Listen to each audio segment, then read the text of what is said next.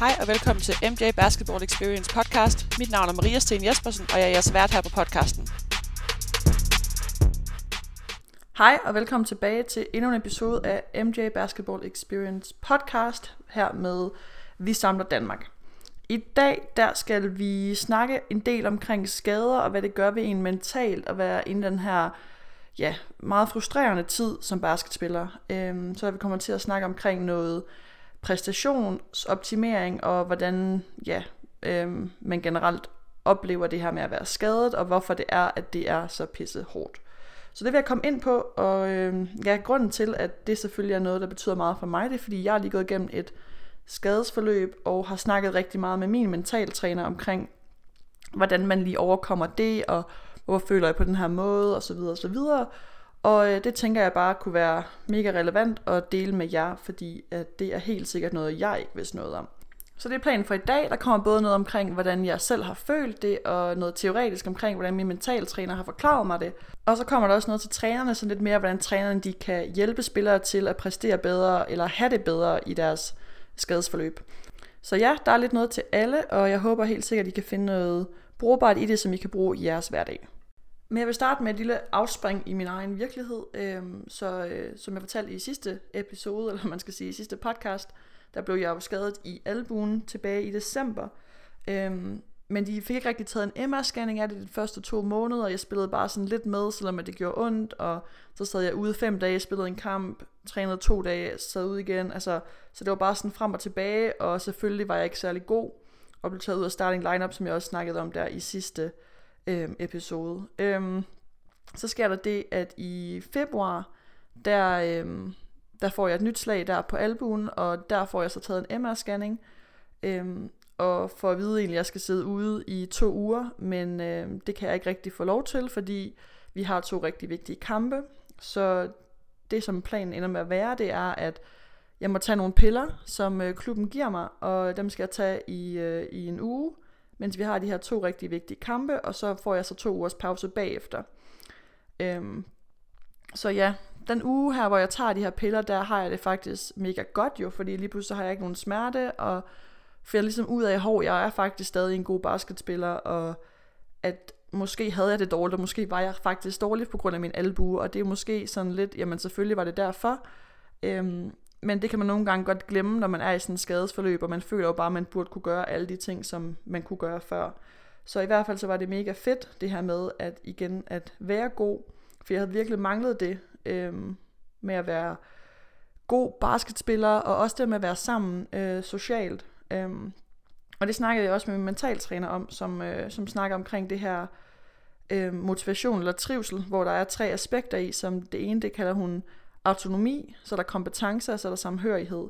Og alle de her tre skal altså være opfyldt, før at man er i trivsel, og der er mest motiveret til det, man nogle gange laver. Øhm, autonomi, det ord kendte jeg ikke før, men det betyder, at man er i kontrol over det, man gør, og ligesom ja, har selvbestemmelse over ens actions og sådan nogle ting. Og det har man selvfølgelig ikke, når man er skadet, øhm, og man har det slet ikke, når man er skadet og bliver tvunget til at spille. Så det var helt sikkert taget fra mig. Så der kompetence, det er selvfølgelig det, at man er være god til noget. Jamen, jeg er heller ikke god til noget, når jeg ikke kan bruge min højre arm. Så det var også taget fra mig. Og så når jeg ikke var med til træningerne, jamen, så havde jeg ikke den her samhørighed. Jeg havde ikke det her sociale aspekt, som også er helt vildt vigtigt. Øhm, så det vil sige, at alle de her tre brudstykker var ligesom blevet taget væk, når man er skadet. Nu er det selvfølgelig for mig selv, var det de her tre. Men sådan er det jo for alle. Øhm, hvis du er, altså, og man kan jo sige, at det her det er, jo en, det er jo en lille skade, ikke? Altså sådan, jeg har jo stadig været, haft mulighed for at hoppe ind og ud, men hvis man har en, en lang skade, som for eksempel en korsbåndsskade, øhm, jamen så de her komponenter jo væk i helt vildt lang tid, og så er det helt vildt vigtigt at prøve at tænke på, jamen, hvordan kan jeg putte noget selvbestemmelse ind i mit liv, som gør, at jeg kan have den her motivation. Det kan være noget med at have et træningsprogram, det kan være noget med at øhm, lave noget ekstra arbejde mentalt, så man ligesom tager kontrollen over sit eget liv, eller sin egen, altså hvad man nogle gange kan tage kontrol over, for du kan ikke tage kontrol over, at du er skadet. Øhm, kompetence er jo også helt vildt svært, når man har en, en større skade, altså hvordan er det, man lige skal få den der succes øh, ind, som man plejede at have med at være god til, for eksempel i det her tilfælde at spille basket. Hvordan får du den kompetence, den følelse af at være god til noget ind i dit liv, så du stadig kan føle dig motiveret. Og den sidste så det er samhørighed, det her med, at du træner ikke med dem. Hvordan sørger du for, at du ikke bliver sidestillet, at du, at du stadig er en del af holdet? Så det øh, er tre rigtig vigtige komponenter for, at man ligesom har det her trivsel og motivation, og ligesom synes, det er sjovt stadig at spille basket. Øhm, så det fortalte hun mig om, og det synes jeg faktisk var rigtig, rigtig spændende, og det gav rigtig god mening. Øhm, og det gav også rigtig god mening for mig, hvorfor jeg lige pludselig har haft det så svært, fordi det er jo min identitet, øhm, der har været vakkelvogn i og med, at de her elementer ikke har været øhm, en del af det. Jeg kan også huske, jeg kan ikke huske, om der sagde det her, nu kører jeg lidt på et tidsspur, men at øhm, ens liv er ligesom et bord, hvor at hver bordben er ligesom forskellige dele af dit liv, så der er for eksempel socialt, øh, job, selvværd, kærlighed. Så for eksempel kærlighed, det er din kæreste, det er din øh, familie, så har du socialt, det er selvfølgelig alle dine venner. Job, det er jo så for mig basket, men for andre det er det jo ja, job, øh, normal job, eller skole. Og så selvværd, du har det med dig selv. Og at det her bord, det kan ikke stå, hvis der er to af de her bordben, som mangler. Og i mit tilfælde, så kan man sige, altså min kærlighed, den er jo ved min kæreste, og så er den ved min familie, som jo ikke er her.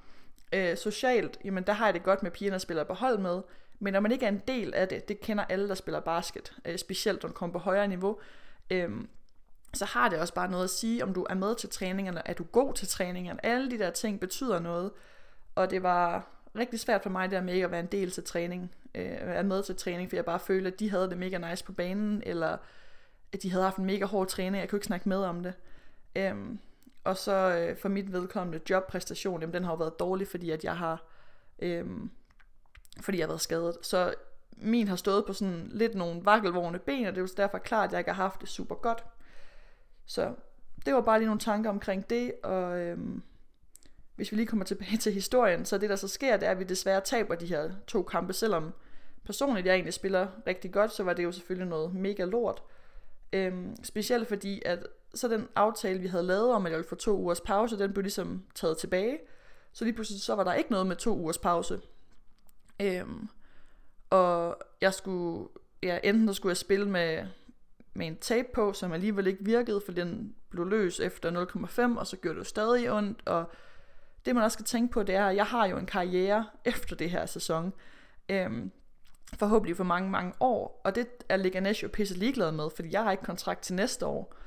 Så de har brug for, at jeg spiller de næste, vi har kun fire kampe tilbage, men på det her tidspunkt, lad os sige, de næste 8 eller 10 kampe. Øhm, og så er de egentlig lidt ligeglade med, hvad jeg skal bagefter. Men jeg er jo nødt til at være sikker på, at det jeg gør er det bedste for mig. Selvom at der er jo ikke noget, jeg hellere vil, end at komme ud og spille og være sammen med pigerne og alle de der ting. Øhm, så derfor er det bare vigtigt, at man har nogle andre, du kan få et altså, second opinion fra. Så jeg ringede til øh, vores landsholdsfys og sendte nogle billeder til ham og fortalte om den her skade, og han var pissegod og har hjulpet mig helt vildt meget i det her genoptræning, og han var sådan, jamen du har to muligheder. Enten så skal du tape din arm så hårdt sammen, at du overhovedet ikke kan strække den, øhm, og det var sådan noget andet tape, end det, som jeg var blevet tapet op om før, eller så skal du sætte dig ud. Og han kunne godt høre på mig, at det ikke lød som, at jeg kunne få lov til at sætte mig ud, så øhm, det var jo tapen, der var, der var løsningen der. Derudover så fortalte han mig også, at de piller, jeg havde taget, det var øh, sindssygt stærkt gigmedicin. Øhm, normalt så, øh, så må man tage gigmedicin tre dage. Jeg havde taget det syv dage på dobbelt dosis af det, man giver til de andre. Så det er igen for at fortælle jer, når I kommer på college, eller når I kommer ud og spiller professionelt, jamen folk de they don't really give a shit about you. Altså, det er, ikke, øhm, det er ikke dine gode venner, det er ikke din familie, der står og tager de her beslutninger for dig. Det er din arbejdsgiver, som egentlig kun skal bruge dig øhm, i college fire år, men nogle gange, der kan du altså, gå efter et år, eller det er lige meget, men det er ikke noget, de skal, de er, ikke, de er ligeglade med din karriere på lang sigt. De skal bare bruge dig lige nu, fordi det her, det er en forretning, og du er en brik i deres forretning. Og det lyder mega hårdt, når man siger det på den her måde, men sådan er det. Øhm, så jeg ringede til Christian, og han hjalp mig helt vildt meget, og forklarede, hvordan vi skulle tape den her albu op, men det var meget vigtigt, at samtidig lavede nogle øvelser for det, og der var ikke nogen hernede, der havde givet mig øvelser. Det eneste, de havde givet mig, det var jamen, sådan lidt en uforståelse over for, at jeg skulle sidde ude, fordi hvad var det lige, der var galt med min albue, og det vidste jeg heller ikke selv på det her tidspunkt, men det kunne Christian så fortælle mig, at den var blevet overstrukket, og så var der, ja, jeg kan faktisk have rigtig svært ved at gengive det, men den var blevet overstrukket, og bagefter var den så blevet overbøjet, så det vil sige, at der var helt vildt meget irritation, og hver eneste gang jeg strakte den og, og mærkede den der smerte, så blev det bare værre.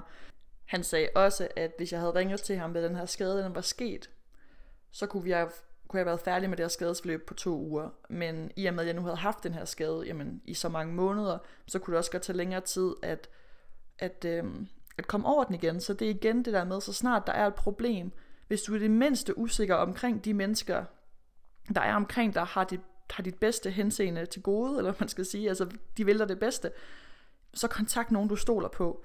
Fordi et helbred er seriøst noget af det mest vigtige. Øhm, ikke bare for basket, men bare sådan for livet bagefter. Du gider ikke rende rundt og ikke kunne bære dit eget barn, fordi at din ryg er så smadret efter at have været på college i fire år. Det er der fandme mange, der fortæller mig er sket, så pas på jer selv derude. Øhm, anyway, så øh, Christian sagde, eller landsholdsfysen der, han sagde, at øh, jeg skulle spille med den her tape, og øh, advarede mig også om, at du kommer til at være pisse dårlig, Maria. Du kommer ikke til at kunne strække din arm over hovedet, så du kan ikke afvikle dit skud.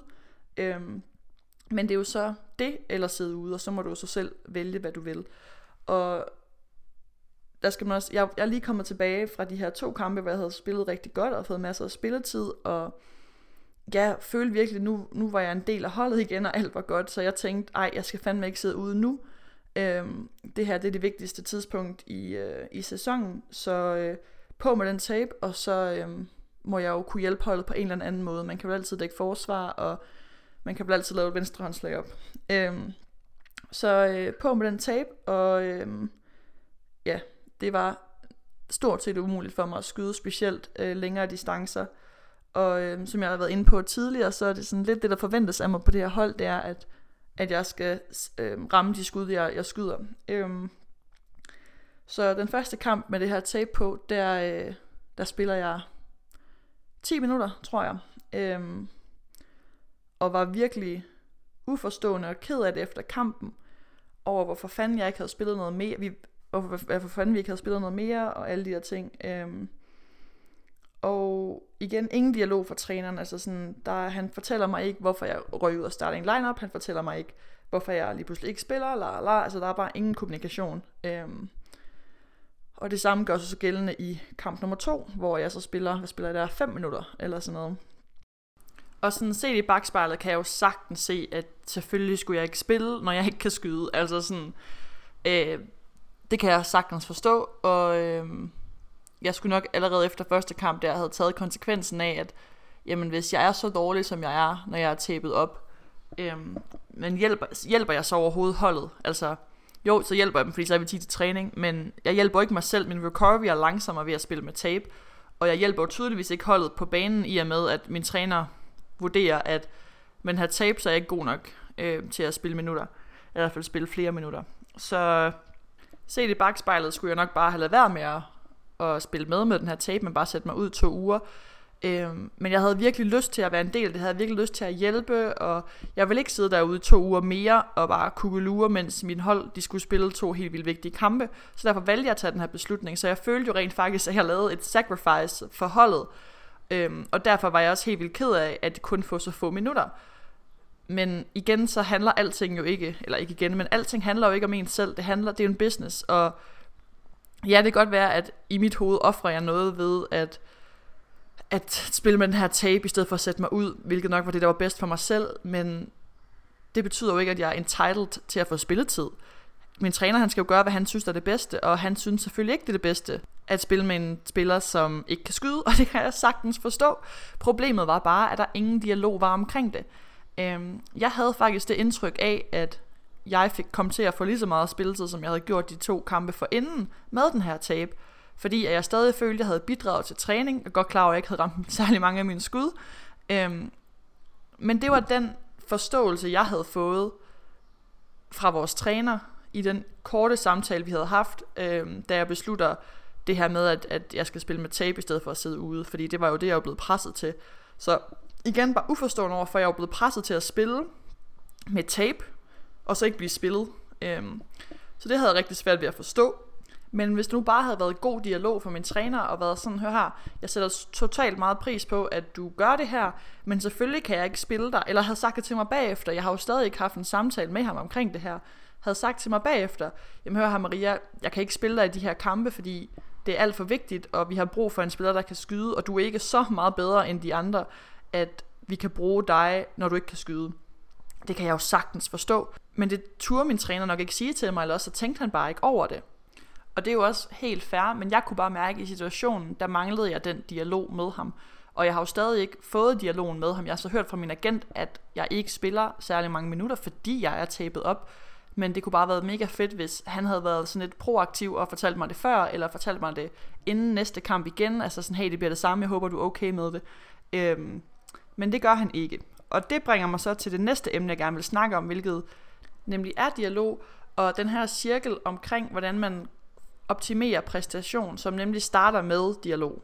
Og efter dialogen, der kommer der så tillid, så kommer der tryghed, trivsel og til sidst præstation. Men hele pointen er, at den starter med dialog. Og det er noget, som de overhovedet ikke bruger hernede i Spanien. Altså dialog mellem spiller og træner, den eksisterer ikke. Og det har jeg fundet ud af, er noget, jeg har et ret stort behov for. Øh, jeg spiller bedst, når jeg føler, at jeg har dialog med træneren. Øh, så det vil jeg så huske. Det er sådan lige note til trænerne her. Øh, sørg for, når jeg spiller, at de, de ikke har det godt, eller de ikke trives, eller de spiller dårligt, så have en samtale med dem. Øh, og prøv at se, om I kan hjælpe dem. Det er altså også en stor del af at være træner, specielt som ungdom. Jeg er godt klar over, at når jeg sidder hernede i Spanien som professionel, så kan jeg jo ikke forvente det.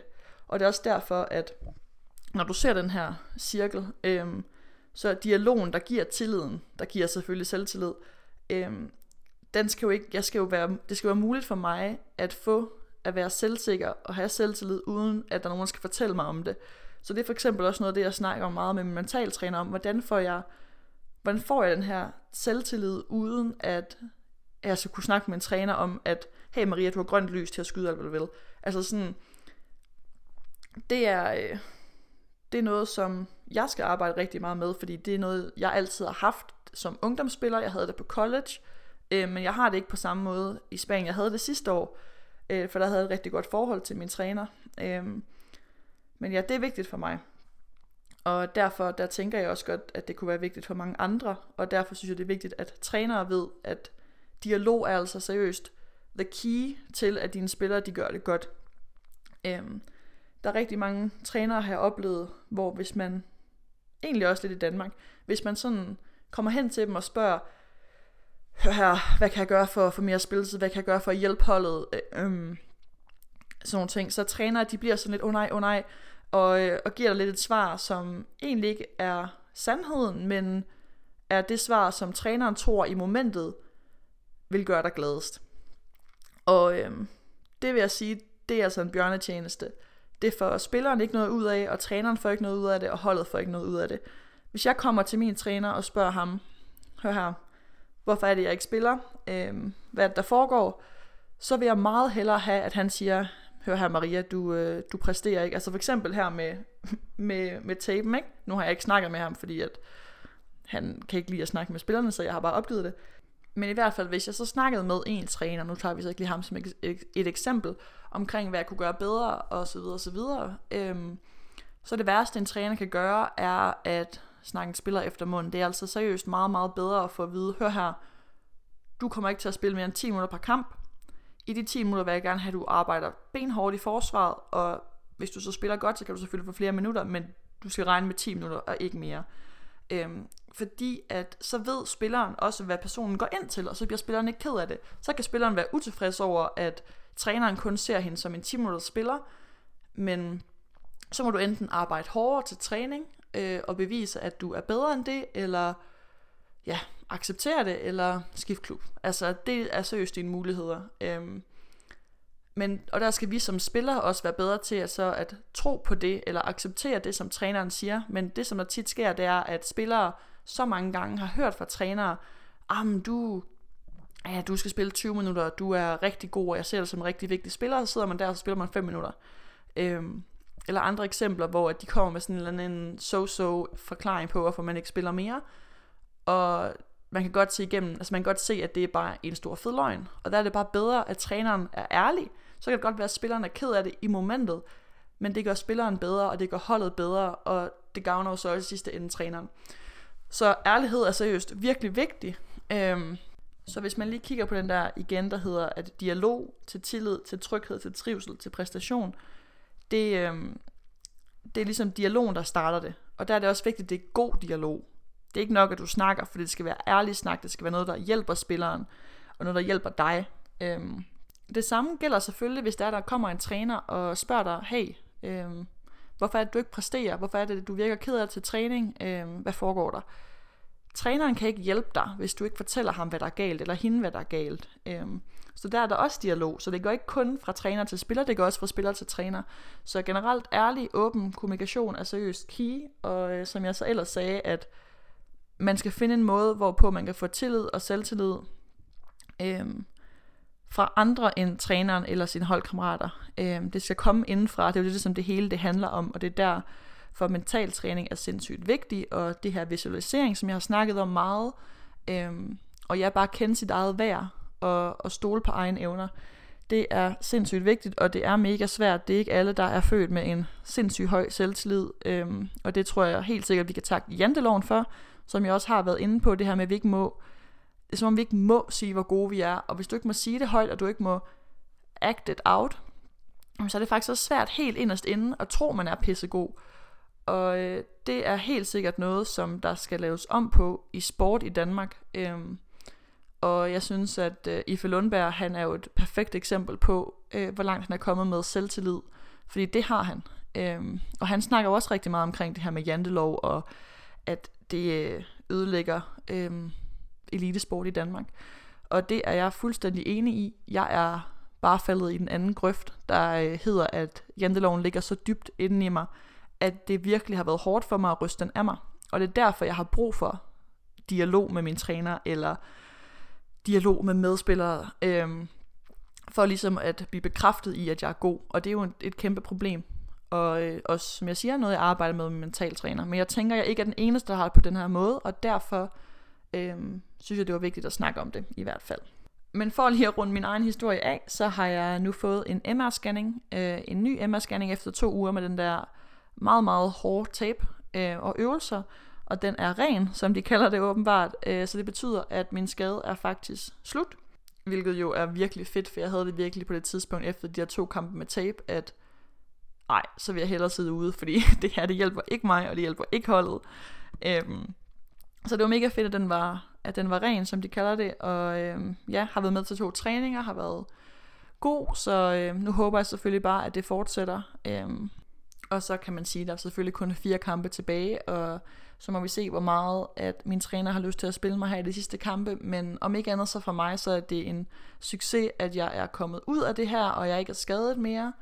Øhm, og som det er med alt, så alt du går igennem, der er hårdt, det lærer du noget af, og du bliver stærkere af det. Og øhm, som jeg tror også, jeg har sagt tidligere, så har jeg jo ikke haft særlig mange skadesforløb. Altså det her det er måske mit andet skadesforløb i mit liv. Så derfor der er det også rigtig hårdt for mig, fordi det er ikke noget, jeg har gjort særlig, særlig meget i, heldigvis 7 i 13. Øhm, så jeg lærer noget hele tiden, og det er også derfor, at nogle gange noget af det modgang, du går igennem tidligt i din karriere, det kan du bare virkelig bruge, når du kommer længere i din karriere. Så prøv at se alle jeres, øh, hvad skal man sige, sådan op- og nedture, specielt nedturene. Når I kommer over dem, så se det som en succes, fordi det er det. Og tro mig, i noget I kan bruge videre i jeres basketkarriere, men også i bare jeres liv generelt. Man lærer så meget af at spille basket, og man bliver så sindssygt robust. Øhm, så det er i hvert fald noget, jeg sætter helt vildt stor pris på, og noget, som jeg virkelig ved, jeg får med i bagagen af det her, når jeg en dag lægger basketskoene på hylden, så, øh, så ved jeg, at jeg har været igennem nogle ting, som der ikke så mange andre, der har været igennem, og øh, det synes jeg bare er mega fedt. Så det tror jeg lige var det, jeg øh, snakke om i dag. Øhm, jeg håber, I fik noget ud af det, og som altid kan I skrive til mig, eller til Vi Samler Danmark på deres Instagram, eller på min egen Instagram. Og vi svarer jo altid gerne på spørgsmål, og vil gerne hjælpe.